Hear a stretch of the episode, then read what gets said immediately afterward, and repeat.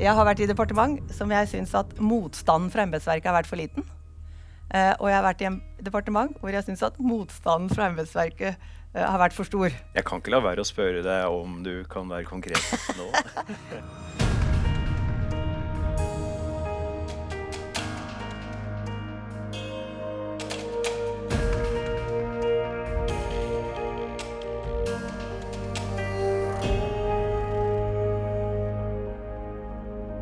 Da kan vi ønske velkommen til femte episode av Godt byråkratskjønn. Podkasten som over seks episoder tar for seg de syv embetspliktene. I dag skal vi se nærmere på forholdet mellom lojalitetsplikten og plikten til åpenhet. Mitt navn er Fridtjof Sørgaard.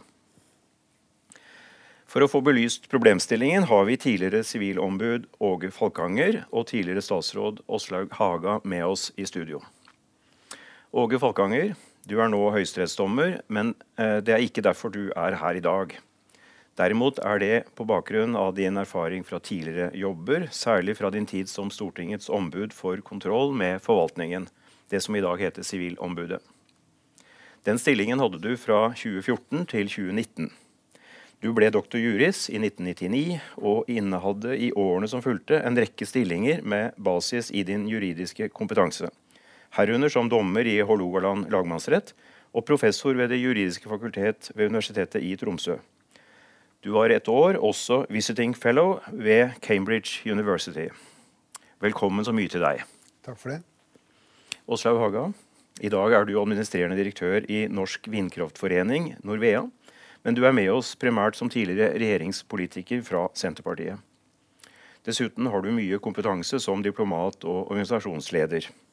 Du er samfunnsfaglig utdannet og begynte å jobbe i Utenriksdepartementet i 1985. Etter hvert var det politikken som kom til å dominere, og du hadde en lang rekke politiske stillinger ved ulike regjeringskontorer helt siden Syse-regjeringen på slutten av 80-tallet. Du har politisk erfaring fra hele fem regjeringskontorer og vært statsråd i tre av dem. Som kulturminister, kommunal- og regionalminister og olje- og energiminister. Hjertelig velkommen til deg også. Hyggelig å være her. Lojalitetsplikten ble nærmere presentert i første episode.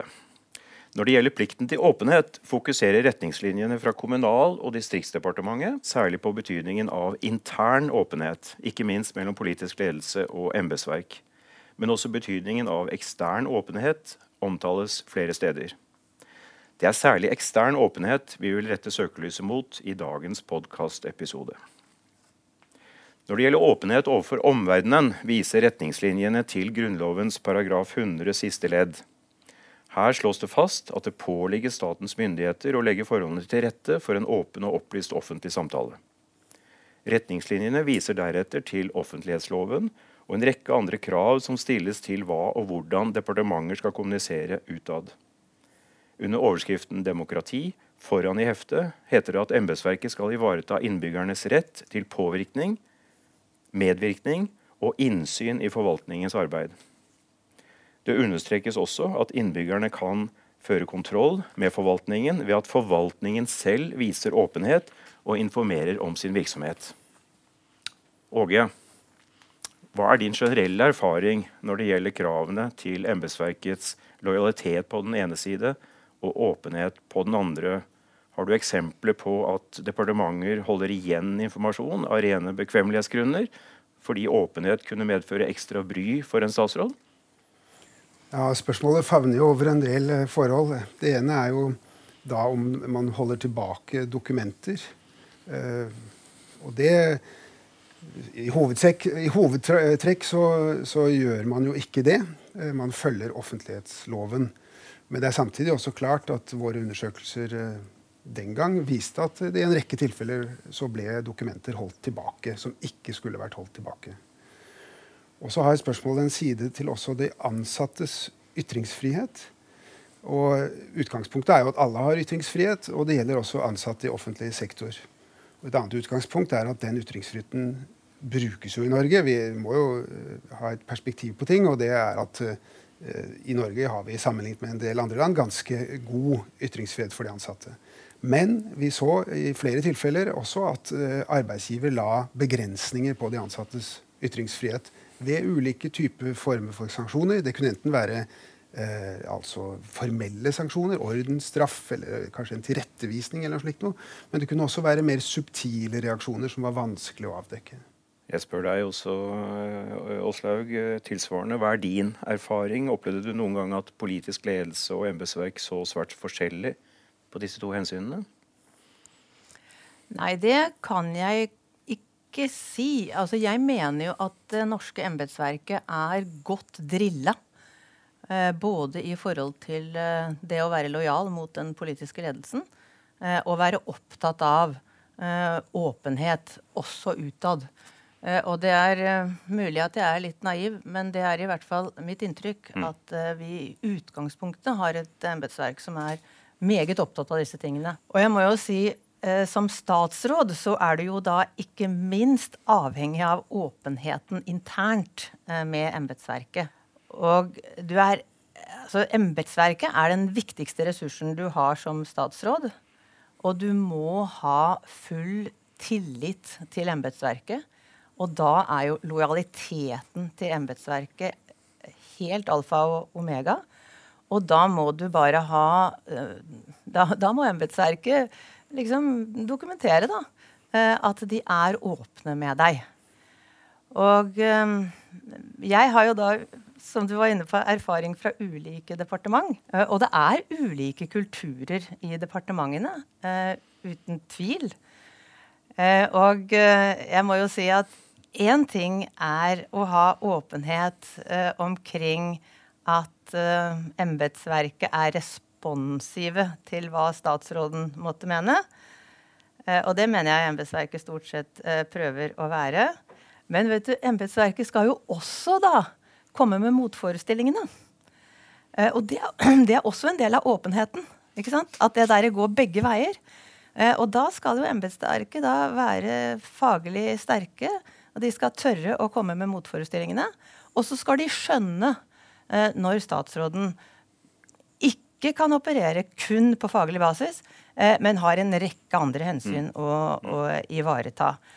Eh, så den derre fundamentale tilliten, eh, åpenheten mellom embetsverk og politisk ledelse, altså det er alfa og mm. omega. Mm. Mm. Og jeg må si, altså, hvis jeg får lov eh, Jeg har vært i departement som jeg syns at motstanden fra embetsverket har vært for liten.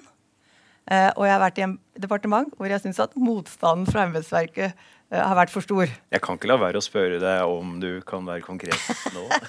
det jeg kan si, uh, i hvert fall, det er at det embetsverket som jeg da i min tid fant hadde funnet den balansen mellom å, ikke sant, å gi deg motstand, men skjønne når de skulle trekke seg, det var definitivt Kommunaldepartementet som jeg mente hadde altså, en, en, veldig god eh, balanse eh, på de tingene der. Eh, drevet av en eh, eksepsjonelt eh, dyktig departementsråd. Eh, men det uten forkleinelse for andre departement. Men det er fundamentalt viktig at man finner det der balansepunktet. Åge, det er jo fristende å spørre deg òg, fra ditt ståsted da, i mange år som sivilombudsmann, om du så disse kulturelle forskjellene, eller om det var noe systematikk her over tid?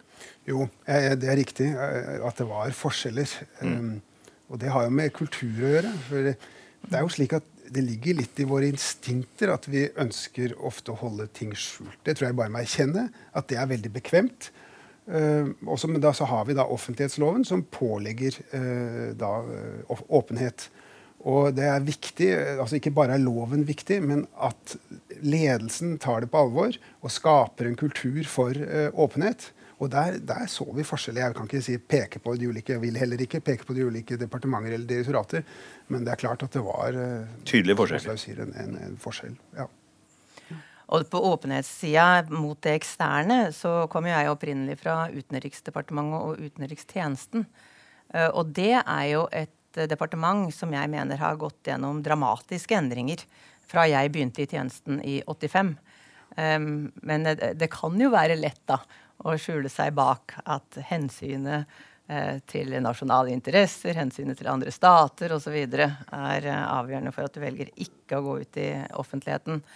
Men eh, igjen, altså som gammel embetsmann, Eh, så mener jo jeg at ting har gått i riktig retning. Og så er det viktig på åpenhetssida at vi har noen som passer på oss. For det kan jo være bekvemt, som Våge er inne på her, å prøve å holde ting tilbake. Men der har vi jo også en presse da, som hjelper oss til å opprettholde åpenheten. Og det er bra, bare pressen velger å ikke misbruke det. Ja, og jeg, jeg, vil også fastholde at i utgangspunktet er det en bra kultur i norsk forvaltning. Men, men undersøkelser fra Riksrevisjonen og også eh, undersøkelser vi gjorde i min tid som ombudsmann, viste at det var likevel ganske store svakheter altså når man begynner å, å litt, grave litt i dette. Og Poenget er at eh, man kan ikke liksom si at så lenge det er 98% åpenhet, altså, så er det bra. For det er kanskje de to prosentene hvor behovet for åpenhet er størst. Så eh, Det høres jo veldig imponerende og bra ut, men, men eh, går man litt under, så er realiteten en annen. Eh, det er interessant. Eh, som hjelpemiddel for å komme nærmere eh, inn i temaet, så har vi også denne gangen forberedt et par tenkte caser, situasjoner. Og begge dreier seg om at åpenhetsplikten og lojalitetsplikten jo kan komme i konflikt med hverandre. Av og til, kanskje. På et mer eller mindre saklig grunnlag også. Og I det første caset så eh, tenker vi oss at du er fagdirektør i et departement.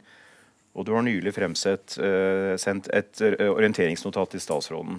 I notatet informeres det om at det er oppdaget alvorlige feil i forrige års regnskapsføring i en underlagt etat. Etaten har ansvar for nasjonale sikkerhetsspørsmål. Interne og eksterne revisorer har konkludert med at etaten har hatt et betydelig budsjettmessig overforbruk pga. feil og mangler i regnskapsføringen. Du blir sammen med din overordnede innkalt av statsråden til et møte om saken. Din statsråd, som allerede er hardt presset av opposisjonen og i media pga. en annen sak, er oppbrakt over dette nye problemet, og han stiller en rekke spørsmål ved om det eh, revisorene har funnet, kan være riktig. Når dere bekrefter dette, gir statsråden uttrykk for at saken må unntas offentlighet, eksempelvis, som han uttrykker det, med grunnlag i sikkerhetsloven, da det jo er snakk om en etat med ansvar for nasjonal sikkerhet. Din overordnede svarer raskt at det nok vil la seg gjøre å finne en hjemmel for å unnta saken offentlighet, i hvert fall inntil videre.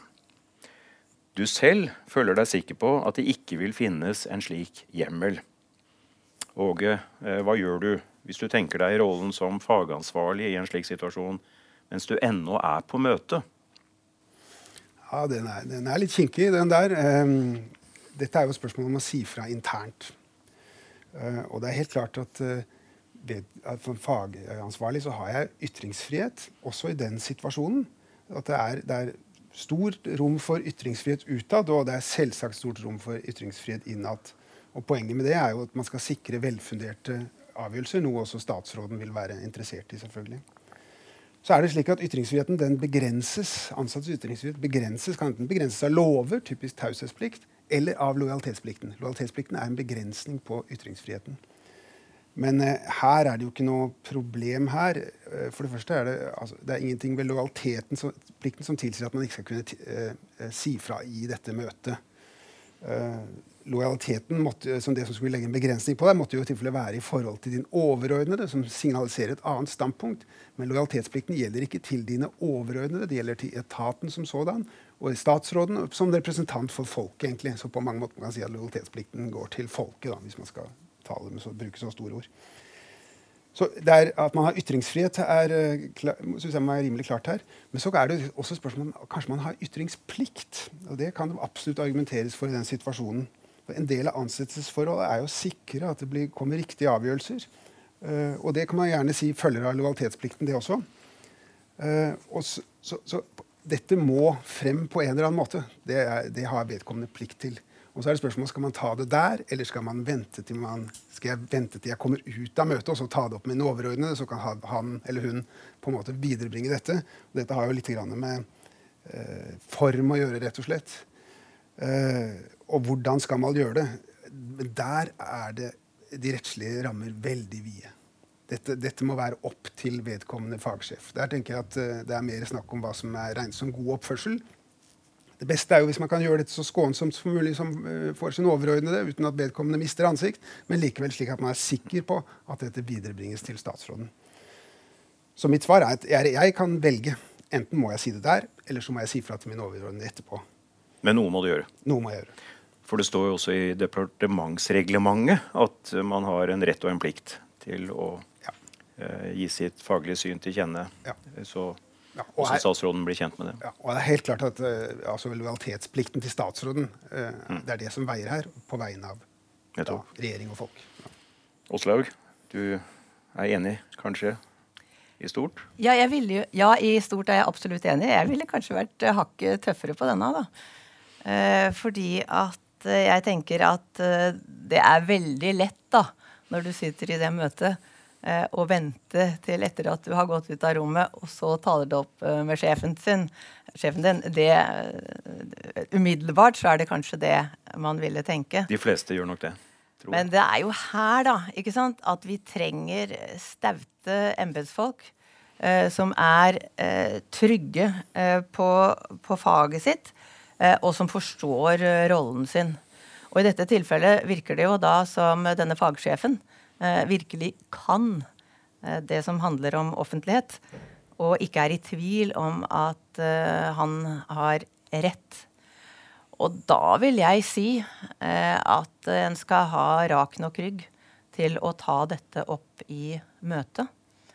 Og jeg tror at det vil være bedre også for denne fagsjefens eh, overordnede at det kommer ut i åpent lende internt eh, på det tidspunktet. Eh, for så kan i hvert fall statsråden da få lov til å områ seg litt og, og si OK, em, la oss gå en liten runde til på dette. Jeg hører at her er det litt ulike vurderinger. Det er fair enough at det er litt ulike vurderinger i embetsverket. Dette gir meg tid til å gå en ekstra runde. Så mitt utgangspunkt ville faktisk være at jeg mener vedkommende ikke gjør sin plikt når den er så trygg på, på det faglige grunnlaget her, og vi snakker om lovlighet. Uh, ja, da, da mener jeg faktisk han bør snakke, opp, uh, snakke ut i møtet. Men jeg sier ikke at det er lett. Men jeg mener det er sånne embetsfolk vi trenger. Du vil i hvert fall komme langt eller stå tryggere i den situasjonen hvis du har en sjef som er trygg på seg sjøl, altså en direkte overordnet. Vanskeligere hvis du ikke har det. Er en tanke som Ja, slår meg? altså jeg, når jeg tenker på at man kan stå overfor en valgsituasjon, så er det rettslig. Jeg kan vanskelig se for meg at det kunne sanksjoneres på noen måte rettslig, at man ikke sa fra der og da. Så er jeg jo enig i at det aller beste er hvis det kommer opp der og da, og det gjøres på en grei måte. Eh, Men, men, men selv det kan rettslig, om det gjøres på grei måte eller ikke, kan ikke være avgjørende. Vi har alle våre ulike måter å uttrykke oss på, og det må være rom for de som ikke klarer å si det på en elegant, skånsom måte også. Så, og jeg, jeg er også enig i at det, ikke minst for statsråden, som jo en, ja, skal gjøre andre ting den dagen antagelig, også, at det er fint at man får dette på bordet der og da. Det, det, det er jeg enig i at det er det beste.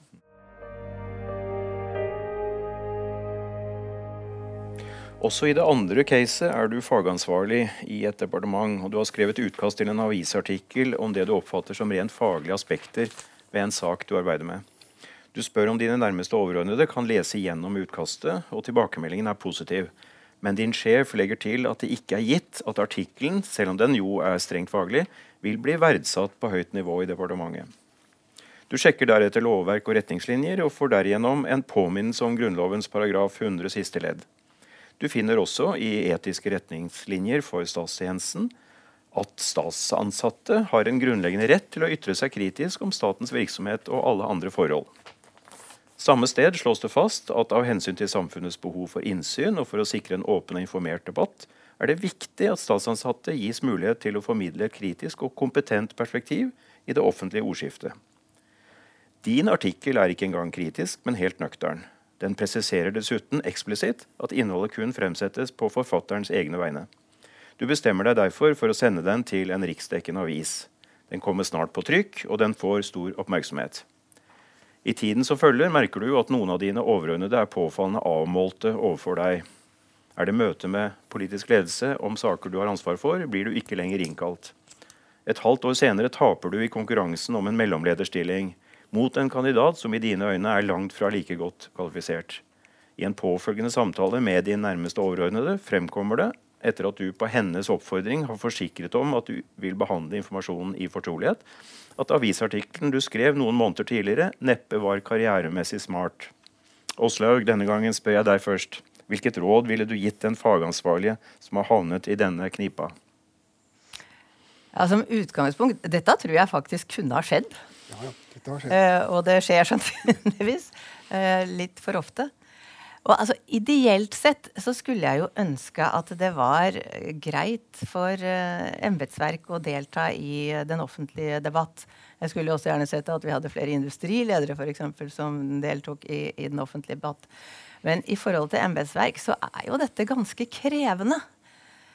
Og um, her uh, Jeg tydeligvis som fagsjef har da lagd denne her artikkelen med rent faglig basis, som det står. Men den har fått stor oppmerksomhet. Uh, og når den artikkelen har fått stor oppmerksomhet, så skulle det ikke forundre meg om det hadde å gjøre med at det var synspunkter som ikke gikk rett inn i det som var departementets linje og politikk eh, på den eh, tiden. Og her er vi tilbake til at en statsråd har så mange hensyn å ta. Og en statsråd skal basere sine vedtak og beslutninger på, på faglighet. Eh, men um, det kan også være ting som gjør at du ikke kan fatte et vedtak på det som betraktes som ren faglighet. Politikk er jo nettopp å avveie ulike hensyn. Og da i dette tilfellet her, når du har da hatt uh, en person i embetsverket som har vært på trykk med det som han eller hun oppfatter som ren eh, faglighet, så kan det, når statsråden fatter et vedtak som ikke er basert på den samme faglighet, så kan det bli brukt mot statsråden. Mm. Og at det fremstår da som en konflikt mellom statsråd og embetsverk. Og det er fryktelig uheldig. Men dette syns jeg er vanskelig. Fordi at vi ønsker jo selvsagt uh, at folk skal bruke sin, uh, sin, ytringsfrihet. Og i henhold til lovverket vårt så har man den uh, ytringsfriheten. Men i praksis så tror jeg det er ganske vanskelig altså, å være liksom en offentlig debattant og samtidig være, være embetsperson. Jeg tror en fort blir satt i, i vanskelige situasjoner. Og igjen så er jeg tilbake til altså når Eh, I hvert fall jeg begynte som, som embetsmann, tjenestemann i et uh, departement, uh, så ble du veldig drilla i at um, Du har selvsagt lojalitet uh, til statsråden, men du blir også fortalt da, at det legger noen begrensninger på hva du kan delta i i den offentlige debatt. Men så er det klart dette kunne jo vært på et helt annet fagfelt enn det du satt og jobba med i et departement. Da ville det vært litt annerledes, uh, tenker jeg. Uh, men uh, det utelukker ikke at du også da kan komme i en litt krevende situasjon. Men jeg tror i praksis at det er vanskelig for en tjenesteperson å delta aktivt i den offentlige debatt, og at den politiske ledelsen samtidig føler at de kan ha altså den tilliten og den åpenheten til embetsverket som man er avhengig av. Vil du si deg enig, Åge? Ja, altså Mitt perspektiv blir ofte det rettslige. da. Um, og det er, um, det er, altså Utgangspunktet er at det er ganske vide rammer for ytringsfriheten. Um, lojalitetsplikten gjelder, men den legger nok mindre demper på ytringsfriheten enn mange tenker seg. Man må, altså, den Normen som er stilt opp, det er at man ikke må skade arbeidsgiverens uh, legitime og saklige interesser på en unødvendig måte. Det er normen. Og alle hører jo at det der er en vanskelig år. Du kan gjøre det på en nødvendig måte, men ikke på en unødvendig. Så det, det, her er det jo mye skjønn, og det er ingen, ingenting som er skrevet i stein her. Men det man må gjøre, man må i hvert fall gjøre det i sitt eget navn. Og gjøre klart at det ikke er eh, statsrådens eller departementets mening. Man må altså unngå identifiseringsfaren. Um, men også, på den annen side så er jo noe av tanken bak de offentlig ansattes ytringsfrihet og ytringsfrihet i hele tatt, er jo at det skal bli en opplyst debatt, og at det skal komme frem til gode beslutninger. Uh, og, nett, og, det er jo klart at En offentlig ansatt må kunne ha synspunkter på andre områder enn vedkommende jobber med. Så er det litt mer problematisk når det gjelder det vedkommende jobber med. Men samtidig er det jo det et felt hvor vedkommende da har særlig innsikt. Hvor det kanskje er særlig viktig å få frem synspunktene. Så jeg tenker nok at uh, her, her ligger innenfor ytringsfriheten til den offentlige ansatte. Det er, kan være en utfordring for eh, statsråd og arbeidsgivere. Det er det ikke noe, det kan man ikke gjøre. Jeg klarer ikke å la være å spørre deg da om burde vedkommende klage til Sivilombudet? Ja, og det, det, er jo neste spørsmål her. Eh, det er jo en litt kinkig situasjon vedkommende kommer i ved at man får dette under hånden fra sine overordnede. Hva gjør man da? Men det er klart man kan klage til Sivilombudsmannen, og det gjorde jo folk ofte i min tid. Ja, ganske ofte. Og, og, på lignende saker som dette her. Vinner man da frem, så er jo onde tunger da raskt der ute og, sier at det, og sier at det er en byråseier. Altså Du kan få medhold, men da er jo karrieren definitivt over. Ja, og Det illustrerer hvor vanskelig dette er. Mm. For det er nettopp de subtile reaksjonene. Mm. Du blir sett på som en, en vrien person, og det hefter noe ved deg osv. Mm. Åslaug? Nei, men jeg tror dette er realiteten. Mm. Så dette er, dette er, et veldig krevende landskap. Det er bare en balansegang som du er nødt til å håndtere der og da. Ja, eh, Men så er det jo heldigvis sånn da, at vi har fått inn varslingssystemer eh, i, i strukturen mm. etter hvert. Mm. Så hvis ting eh, virkelig er galt, så er det jo mulig å bruke varslingsmekanismene. Og det tenker jeg at er et stort uh, framskritt uh, fra det vi hadde når jeg begynte i, som offentlig tjenesteperson for veldig mange år siden nå. Og, og, da er det klart at det er også muligheter for represalier av den veien. Men da foregår det i et åpent mm. lende og, og med litt andre begrunnelser. Så det er jo veier her, da, hvis man, er, ja, hvis man mener faktisk at det er grunnlag for det vi kaller en varsling. Uh, så, så, jeg tenker at uh, det er vesensforskjell på en situasjon hvor du har behov for å varsle, som du sjølsagt skal oppfordre folk til å gjøre hvis ting er så gærne. Um, altså, men hvis det handler om altså, å få ut ditt personlige syn på, på en, en, sak, så tror jeg i praksis da, eh, at det vil ligge noen begrensninger på hva du bør. Du bør i hvert fall tenke gjennom da, mulige konsekvenser av det. Helt på tampen, Åge, vil du tilføye noe her nå, eller kommentere ja, altså, det sist? Altså, Varsling kan absolutt være en vei å gå. Mm. Men det forutsetter ofte, som Åslaug også var innom, eh, litt alvorlige saker. Korrupsjon og den slags. Og det kan, så det, det, dette leserinnlegget her synes ikke å avdekke noe slikt nå. Så derfor kan man ikke se på det som en varsling. Og så kunne man tenke seg hva med denne reaksjonen? Kunne man varsle mot den? Men eh, kan, altså det varslingsinstituttet gjelder da ikke eget arbeidsforhold. Mm. Så det er altså andre mm, ting i departementet eller, som man kan varsle om. Mm. Ja.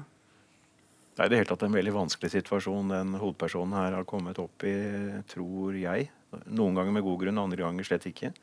Så det er vel der vi er. Hvis man har veldig stor åpenhet internt, så, mm. så tenker jeg at eh, ok, uh, altså her har han fått et uh, signal om at dette kan være grunnen. Mm. hvis man har god, god, intern dialog, så går det an å drøfte dette mm. altså, i, i, de interne dialogmøtene man har. Helt opp til statsrådsnivå. Og jeg tror til og med at en statsråd ville være åpen for å ta den diskusjonen. For altså, ingen ønsker verken som politiker eller embetsperson å komme i den situasjonen som man har kommet i her. Dette kan jo virkelig bli en sånn veldig vond klump uh, for mange. Mm. Da må vi dessverre runde av også denne episoden. Uh, vi må få rette en stor takk til dere to, Åslaug Haga og Åge Falkanger, for å ha delt av deres uh, erfaringer og verdifulle innsikt. Vi håper det har vært interessant å følge oss eh, for deg som lytter, og vi håper du vil være med oss også i neste og siste episode av podkasten Godt byråkratskjønn. Da skal det handle om forholdet mellom lojalitet og god styring og ledelse. Takk for i dag.